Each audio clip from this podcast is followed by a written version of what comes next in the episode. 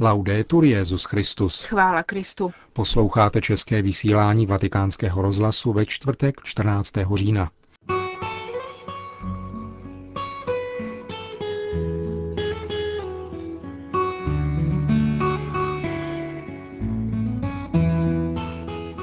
Uslyšíte o dění na probíhajícím biskupském synodu pro Blízký východ, kde včera promluvil rabín David Rosen a o návštěvě delegace synodních otců u italského prezidenta. A na závěr poznámku o mediálním obraze papeže a pravdě. Pořadem vás provázejí Milan Glázer a Markéta Šindelářová.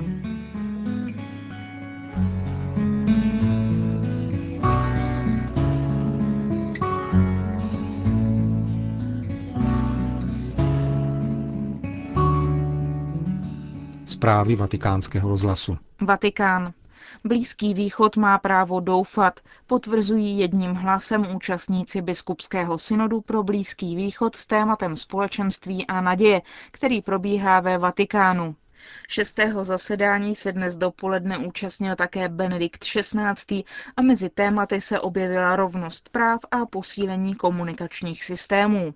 Včera odpoledne si schromáždění vyslechlo očekávaný příspěvek rabína Davida Rousna, kterého poté svatý otec přijal v audienci. Dnešní odpoledne bylo věnováno příspěvkům zástupců muslimů. Podle synodních otců věřící sužovaného regionu od synodu hodně očekávají. V Libanonu hraje církev podstatnou roli. V některých zemích Golfského zálivu se budují nové kostely. V Saudské Arábii se povzbuzuje k mezináboženským setkáním a zároveň tam, kde je islám státním náboženstvím, chybí náboženská svoboda. Imigrační zákony jsou restriktivní, kněží je nedostatek. Jak se toto vše, ptá se synod, slučuje s tolerancí, o které mluví Korán, když neexistuje svoboda svědomí a občané si nejsou před zákonem rovni. V tomto kontextu účastníci synodu považují za nutné posílit komunikační systémy, které napomáhají lepšímu vzájemnému poznání, proto povzbuzují k lepší formaci v oblasti médií, zvláště digitálních, nejen lajky, ale také seminaristy. Dalším silným tématem, o němž se v synodní aule hovořilo, byla evangelizace rodiny, která je ohrožována západní kulturou přinášející rozvody a antikoncepci. Proto je třeba bránit rodinné jádro jakožto domácí církev a místo předávání víry. Dopolední zasedání dalo prostor i sebekritice. Křesťané neznají dobře evangelium a jejich rozdělení je zdrojem pochybností a utrpení. Pro církev na východě je ekumenismus jednou z největších výzev a synod proto navrhl uspořádat blízkovýchodní ekumenický den, který by byl vytvořen po vzoru Světových dnů mládeže.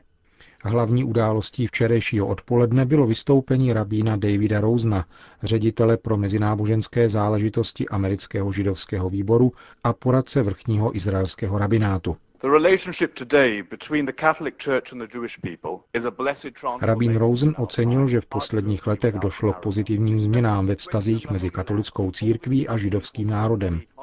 Obě náboženství podle něj často ukazovala, že se navzájem příliš neznají. To se změnilo díky dvěma faktorům. Návštěvě papeže Jana Pavla II. na Blízkém východě před deseti lety a křesťanům, kteří do Izraele imigrovali. Židé se v Izraeli seznámili s křesťanstvím lépe také díky mnoha institucím církve a podpoře mezináboženského dialogu, řekl rabín Rosen. Co se týká politického aspektu, Rosen zdůraznil, že situace křesťanské komunity ve svaté zemi, která je nevyhnutelně vtažena do izraelsko-palestinského konfliktu, je skutečně složitá.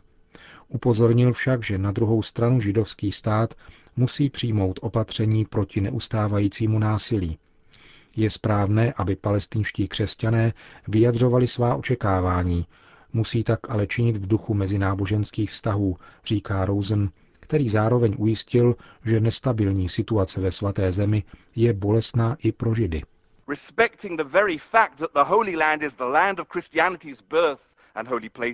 Bereme do úvahy také skutečnost, že svatá země je zemí, kde se zrodilo křesťanství a kde se nacházejí jeho posvátná místa. Zodpovědnost Židů zajistit rozkvět zdejší křesťanské komunity posiluje také obnovené a rostoucí bratrství, uvedl včera odpoledne na zasedání biskupského synodu pro Blízký východ rabín David Rosen.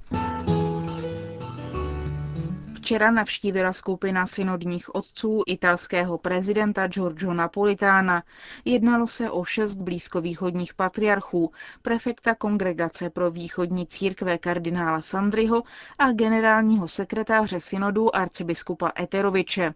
Prezident Napolitáno označil synod za událost historického významu a mimo jiné řekl. Vaše úsilí je úsilím o obnovu a docenění přítomnosti katolické církve a vůbec křesťanské komunity na Blízkém východě. Je to úsilí, z něhož mohou načerpat velký prospěch i podněty v záležitosti náboženského pluralismu, dialogu a míru v tomto sužovaném regionu. Věřím, že tato nit dialogu monoteistických náboženství, kterou katolická církev v čele s nynějším papežem sleduje, je opravdu jednou ze základních cest k dosažení smíření mezi civilizacemi. Je to ten největší zdroj, z něhož můžeme živit naši naději a dosáhnout naše ideály a cíle. Řekl italský prezident Giorgio Napolitano na včerejším setkání s delegací synodních otců. New York. Stálý pozorovatel svatého stolce arcibiskup Francis Choliket hovořil na půdě OSN o tom, že od roku 2000 vzrostly celosvětové výdaje na zbrojení takřka o 50 podle názoru apoštolského stolce to svědčí o neúčinnosti Organizace spojených národů, neboť jejím cílem mělo být právě posílení míru a bezpečnosti nikoli na rovnováze strachu, ale na plném respektování práv a svobod. Vatikánský diplomat přiznal, že problém odzbrojení souvisí s nedostatkem účinného kontrolního mechanismu. Týká se to zvláště zbraní biologických a chemických, jejichž výrobu či skladování lze skrývat pod záminkou jejich využití k civilním účelům. Arcibiskup Chuliket zmínil také pozitiva v sektoru odzbrojování. Jedním z nich je postupný přelom na poli jaderných zbraní. Mnoho zemí se o nich začíná vyjadřovat jinak, což může znamenat, že existuje určitá vůle k definitivnímu vyřešení této položky, řekl indický arcibiskup. Poznamenal však také, že jeho realizace je zatím málo pravděpodobná. Dalším pozitivem je otázka kazetových bomb, jejíž zákaz byl nedávno stvrzen Mezinárodní konvencí. Podle vatikánského diplomata stojí za zmínku, že ve zmíněné konvenci jsou poprvé zmíněna práva obětí. Větnam.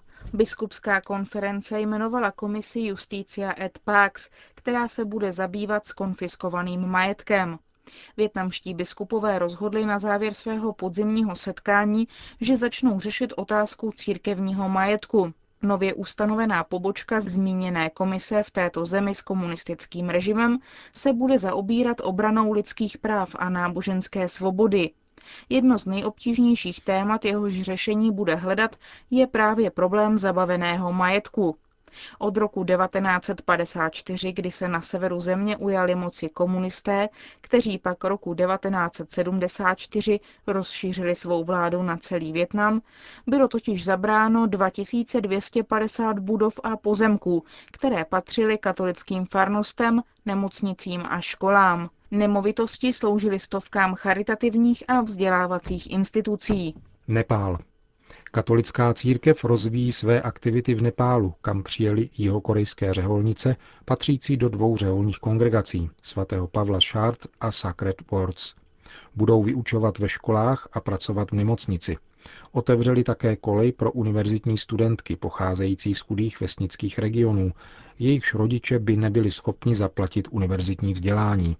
Nepálský biskup Antony Sharma z Katmandu zdůrazňuje, že pokud se zpřístupní vzdělání ženám, prospěje to celému národu, což platí obzvláště v Nepálu. Port-au-Prince. Šok mezi dobrovolníky Charity, kteří pracují na Haiti, vyvolala vražda Juliena Kenorda, haitského spolupracovníka Caritas Švýcarsko. V Port-au-Prince ho v pátek 8. října zastřelil neznámý vrah. Loajální a velmi oddaný své práci pomáhal obětem zemětřesení vybudovat nový život. Svým kolegům bude hodně chybět. Tak Juliena popsala generální sekretářka Caritas Internationalis Leslie Knight. Podle informací Charity byl Julien zasažen několika střelami krátce poté, co vyzvedl peníze v bance. Zraněním podlehl po převozu do nemocnice. Podle zdrojů Caritas Internationalis je také jediným motivem vraždy braným v úvahu právě loupež. Vyšetřování vraždy bylo zahájeno okamžitě, dosud ale nepřineslo žádné informace. Caritas na Haiti působí už řadu let. Pomoc postiženým zemětřesením 12. ledna letošního roku začala přinášet hned po katastrofě. Zajistila mimo jiné potraviny, pitnou vodu, léky i zdravotnickou pomoc. Sudán.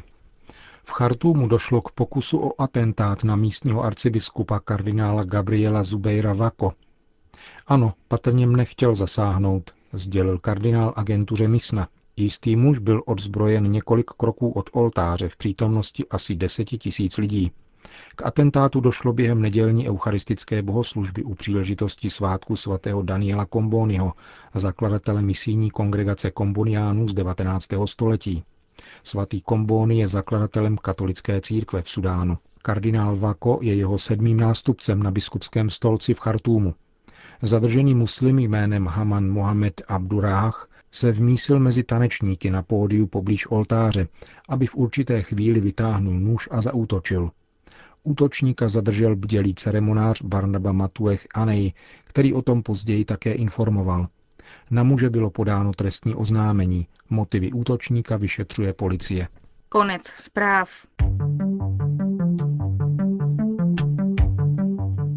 poznámku o mediálním obraze papeže a pravdě napsal pro italský internetový denník Tempy Bruno Mastroianni.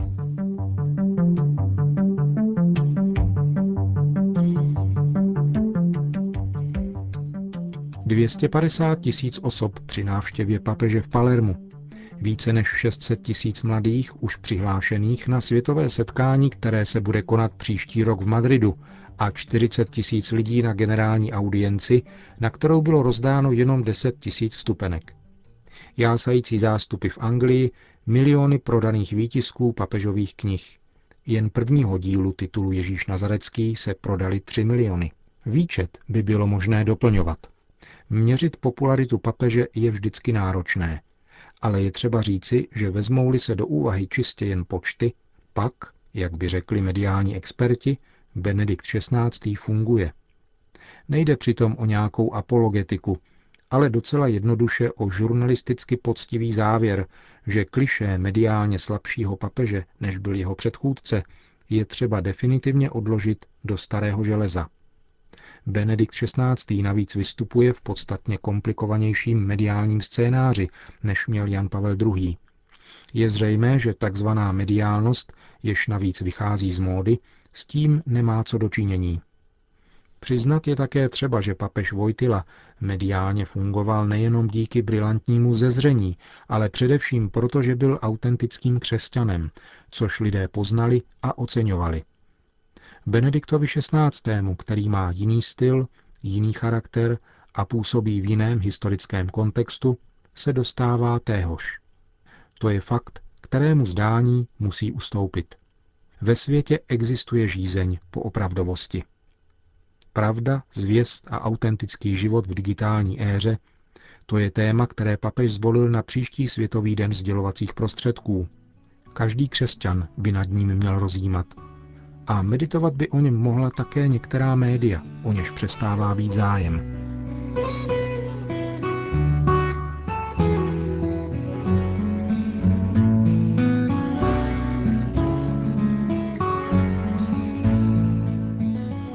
končíme české vysílání vatikánského rozhlasu. Chvála Kristu. Laudetur Jezus Christus.